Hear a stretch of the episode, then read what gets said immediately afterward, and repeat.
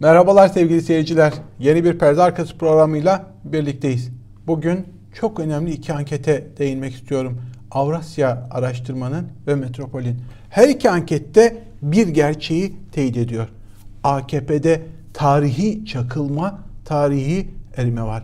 CHP oyları AKP'yi kararsızlar hem dağıtılmadan hem de dağıtıldıktan sonra geçmiş durumda. Fakat her şey burada bitiyor mu? Hayır. Muhalefete henüz güven duymuyor. Kararsızlar, kararsız, asıl sonucu belirleyecek olan kararsız yüzen oylar. Şimdi her ikisini birlikte değerlendirelim. Dolayısıyla iktidarın bir stratejisi, muhalefetin bir stratejisi var. Ankara'da gerilim has safhada fay hatları kırılıyor. İşte bu noktada iktidarın stratejisinde 1923 ile hesaplaşma var. Buna dair Kocaeli Büyükşehir Belediye Başkanı'nın ve önceki açıklamalara değineceğiz.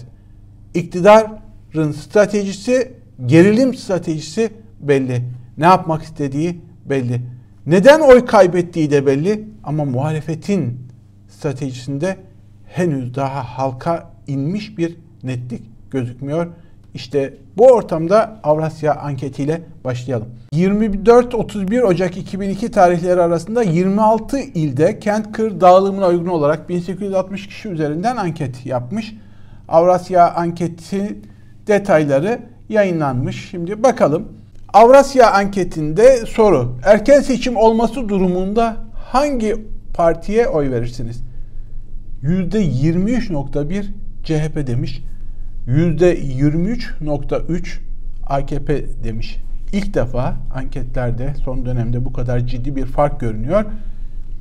CHP AKP'yi geçmiş ve AKP kararsızlar dağıtılmadan tarihi bir çakılma yaşıyor izlenimi veriyor. HDP %11'de, e, İyi Parti %11'de, MHP ayrıyeten iktidar ortağı MHP çakılmış görünüyor 5.3 ve Deva Partisi 5.2 ile neredeyse MHP'yi yakalamış gözüküyor. %11.5 kararsızlar var.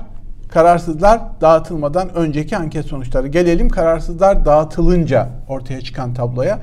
Yine garip bir şekilde %28.4'ü CHP birinci parti gözüküyor. AKP 26.3 gözüküyor.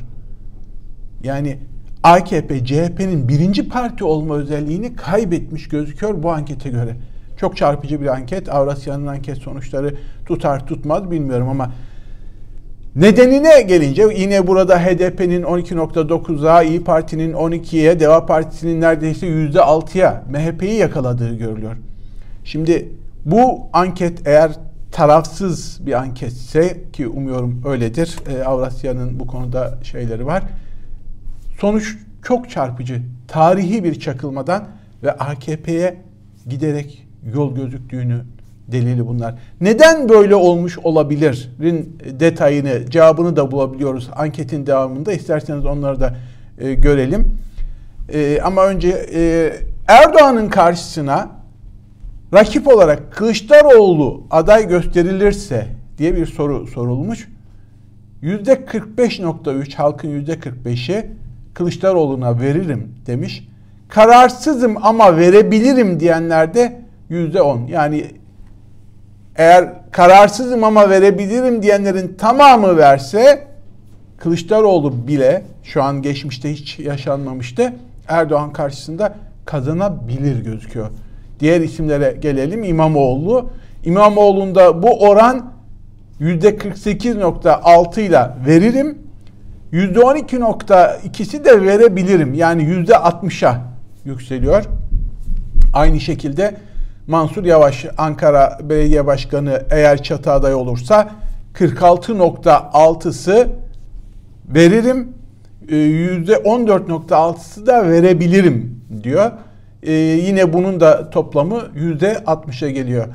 Ee, yani 3 isim şu ana kadar öne çıkan adaylık konusunda adı geçen 3 isim de Erdoğan karşısında rahat kazanıyor gözüküyor bu anket sonuçlarına göre. Son milletvekili seçimlerinde oy verdiğiniz partinin bulunduğu ittifakta olmasından memnun musunuz sorusuna AK Partililerin %26'sı hayır demiş. Yani MHP ile ortaklığa dörtte biri AK Parti seçmeninin dörtte biri gayrimemnun. MHP seçmeninin yüzde 45'i neredeyse yarısı AKP ile ortaklıktan rahatsız görünüyor. CHP seçmeninde yüzde 92'si mevcut ittifakından memnun. Aynı şey İyi Parti'de de yüzde 88'i. E, CHP, e, İyi AKP ile MHP tabanlarının AKP-MHP ortaklığından rahatsızlığı dikkat çekici. Demek ki temel sebeplerden, kayıplardan bir tanesi bu rahatsızlık. Aynı soruyu muhalefet partileri içinde henüz daha bir ittifakta tam olarak yer almayan partiler içinde sormuşlar. HDP'lilerin %72'si Millet İttifakı'nda olmak istiyor. Deva Partisi'nin %76'sı tabanının Millet İttifakı'nda olmasını istiyor partisinin. Gelecek Partisi'nin %70'i Millet İttifakı'nda yer almak istiyor. Diğer ittifakta olmayan partilerde de bu oran %75'e kadar yükseliyor. En önemli noktaya geldik. Bir tanesi AKP ve MHP'nin tabanları ittifaklarından memnun değiller. MHP'lilerin %45'i AKP'den rahatsızdı. AKP'lilerin %26'sı da MHP'den rahatsızdı. Bir diğer nokta en önemli sorun nedir diye sormuşlar. Halkın %61'i ekonomi demiş. Boş tencere herkesi devirir ya da midesine dokununca insanlar uyanır diyorlardı. Venezuela örneğinde böyle olmadığı ortada ama demek ki burada bir şeyler değişmiş. Yine halkın e, bir sonraki şeye gelelim. Bir yıl içerisindeki alım gücünüzdeki değişiklik nedir diye sormuşlar. Vatandaşın yüzde 67'si 66.9'u demiş ki alım gücümüz azaldı, fakirleştik diyor halk. Yüzde 70'i halkın fakirleştik diyor.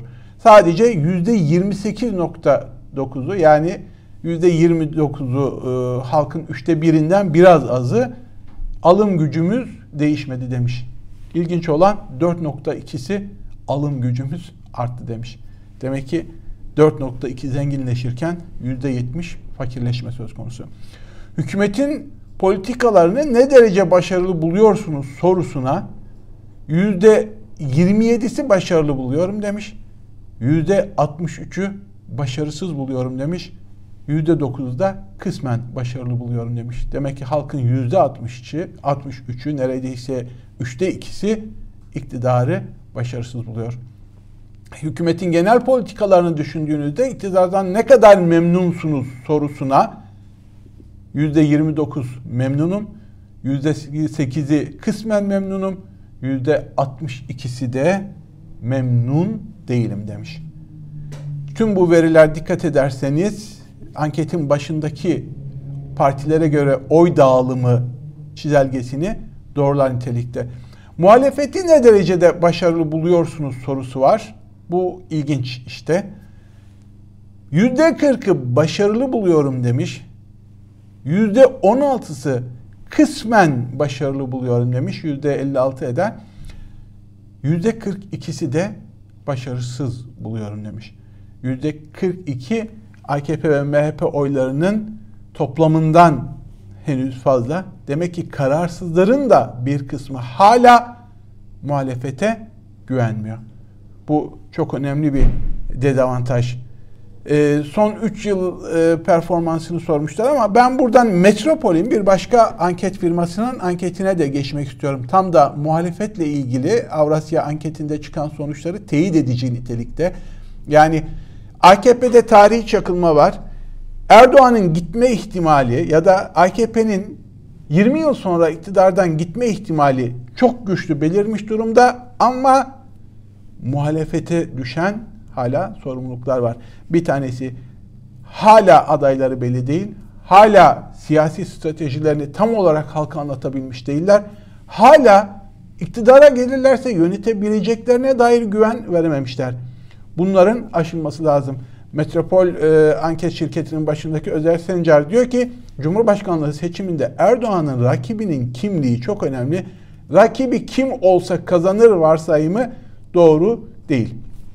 İşte e, Ocak ayı 2022 e, araştırmasının sonucunu vermiş. Halkın %30'u Cumhurbaşkanlığı seçiminde Erdoğan'a, %37'si karşısına çıkan rakibine oy vereceğini söylemekte diyor. Bu da Metropol'ün %30'u Erdoğan'a, %37'si karşısına çıkacak adaya oy veririm diyor. %29'luk bir kesim diyor. Rakibe bağlı olarak kararının değişeceğini söylüyor. İşte bu çok önemli. Erdoğan'a oy veririm diyenler %29 ya da 30, karşısındaki rakibe oy veririm diyenler %36, Erdoğan'a oy veririm diyenlerle aynı oranda %29 rakibe göre oy veririm. Ya oy vermem ya da Erdoğan'a dönebilirim diyor. Bu çok önemli. Şimdi Erdoğan'a oy veririm diyenlerden MHP yüzde 50 yani MHP'nin yarısı Erdoğan'a oy veririm diyor. Bu önemli bir şey. Rakibinin kim olduğuna bağlı sorusunun cevabı MHP'de yüzde 42. Yani Erdoğan'a biraz önce de diğer e, Avrasya anketinde ortaya koymuştuk. MHP tabanının yarısı AKP ile ittifaktan rahatsız. Bu veri de onu destekliyor. Yüzde 42'si diyor ki Erdoğan'a oy vermem. Ama rakibine göre oyumu belirlerim kime vereceğime diyor. E, yine bu oranın en yüksek olduğu parti e, Deva Partisi'nde yüzde 62 o da rakibe göre oyumu şekillendiririm e, demiş. HDP'de yüzde 30 üçte biri neredeyse oylarımı rakibe göre şekillendiririm demiş. Şimdi e, bu iki anket bu iki çalışma e, önemli. Muhalefet yönetmeye hazır mı diye sormuşlar. Biraz önceki tüm verileri destekler bir şekilde evet hazır olduğunu düşünüyorum demiş yüzde 46. Hayır muhalefetin henüz yönetmeye hazır olduğunu düşünmüyorum demiş yüzde 47. Henüz muhalefeti iktidarı alıp yönetmeye hazır görmeyenlerin oranı yüzde 47. Muhalefetin hem aday konusunda hem de bu handikapı aşma konusunda nasıl güven veririm seçmene, seçimlere kadar diye üstüne düşünüp bir çalışma yapması lazım. Hala ortak bir siyasi bildirgeye imza atamadılar. Altı siyasi partinin çalıştığı güçlendirilmiş parlamenter sisteme yeni anayasal değişikliğe dair çalışma tamamlandı. Daha doğrusu alt komisyondaki e, temsilciler çalışmasını tamamladı ama liderler bazında tamamlanmış değil. Muhalefette hem bir dağınıklık görüntüsü var hem de alternatif stratejilerini varsa henüz daha seçmene tam olarak anlatabilmiş ve güven verebilmiş değiller. Şimdi muhalefet yönetmeye hazır mı sorusuna yüzde 47 hayır demiş. Peki bu pazar milletvekili seçimi olsa hangi partiye oy verirdiniz sorusunun cevabına göre dağılımda kimler muhalefetin hazır olmadığını düşünüyor derseniz AKP'nin yüzde 16'sı AKP'ye oy veririm ama muhalefetin yönetmeye hazır olduğunu düşünüyorum demiş. MHP'de de bu oran yüzde 19. İlginç olan Deva Partililerin yüzde 53'ü henüz daha muhalefetin yönetmeye hazır olmadığını düşünmesi. Aynı şekilde HDP'de yüzde 25 oranında yani muhalefet partilerinin kendi tabanında dahi iktidara geldiklerinde yönetebileceklerine dair güven tam oluşmamış. Şimdi gelelim analizine. Birincisi şu, iktidar hasreten ekonomik kriz ve giderek bütçeye yansıyan, mutfağa yansıyan, cep yakan, işte elektrik kesintileri, elektrik, doğal gaz faturalarındaki inanılmaz yükseliş düşünün Isparta'da 48 e, saattir elektrik almıyor. Şehrin neredeyse %90'ı. Şimdi doğal gaz kesintileri bir tarafta. Sanayi bölgelerinde sanayi üretimleri durdurulmuş durumda. Para yok. Hazine yüzde eksi 60 milyar dolar açık vermiş durumda üst üste koyun koyun koyun bunları ve giderek de derinleşecek bir ekonomik kriz olduğu gerçeğini göz ardı etmeyin. Ve bunun neticesinde iktidar eriyor. Fakat sorun muhalefet bu erimeyi hem kendisine çevirmekte henüz yetersiz kalıyor. İkincisi kararsızlığa geçen, iktidardan kopan kitlelere, kitlelere ben daha iyi yönetebilirim güvenini henüz veremiyor. İktidarın stratejisi belli, muhalefetin stratejisinde henüz sorun var. Yeterince güven verememiş. İkincisi aday konusunda aman ha aman tabanın hassasiyetleri dikkate alınması gerekiyor. İktidar ne yapar? Uzun süre konuştuk. Kaos senaryosu vesaire diye. Dikkat çekici bir iki çıkış var. Onlara hemen değinmek istiyorum.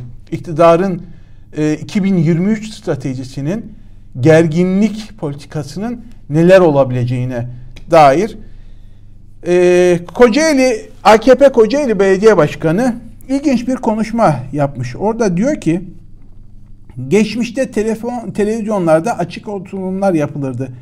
Bir tanesi rahmetli Erbakan Hoca yapacaklarını sıraladıktan sonra Mesut Yılmaz bunları nereden yapacaksınız? Kaynağı nereden bulacaksınız diye sordu. Erbakan hocamız da heyhat at sahibine göre kişner diyerek yanıt verdi. Evet at sahibine göre kişner. Sayın Cumhurbaşkanımızın liderliği ve vizyonuyla memleketimiz kalkınıyor. Hem bölgesinde yakın ve uzak coğrafyasında oyun kurmaya, kurulan oyunları da bozmaya başladı.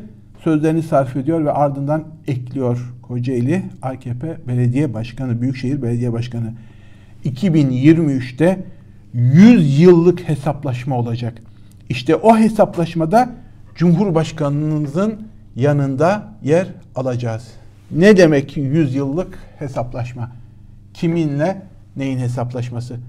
Rejim değişikliğini mi kastediyor? Cumhuriyetten başka bir rejime mi geçiş olacak? Karşı devrim mi olacak? İktidarın stratejisi 2023 stratejisi giderek netleşiyor.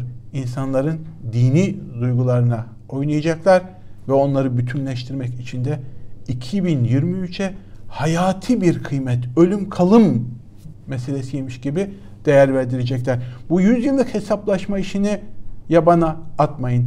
Bakın Sezen Aksu'nun şarkı sözlerinden dolayı onun hakkında suç duyurusunda bulunan Milli Beka Hareketi'nin başındaki isim Çağlayan Adliyesi'nin çıkışında bir açıklama yapmıştı.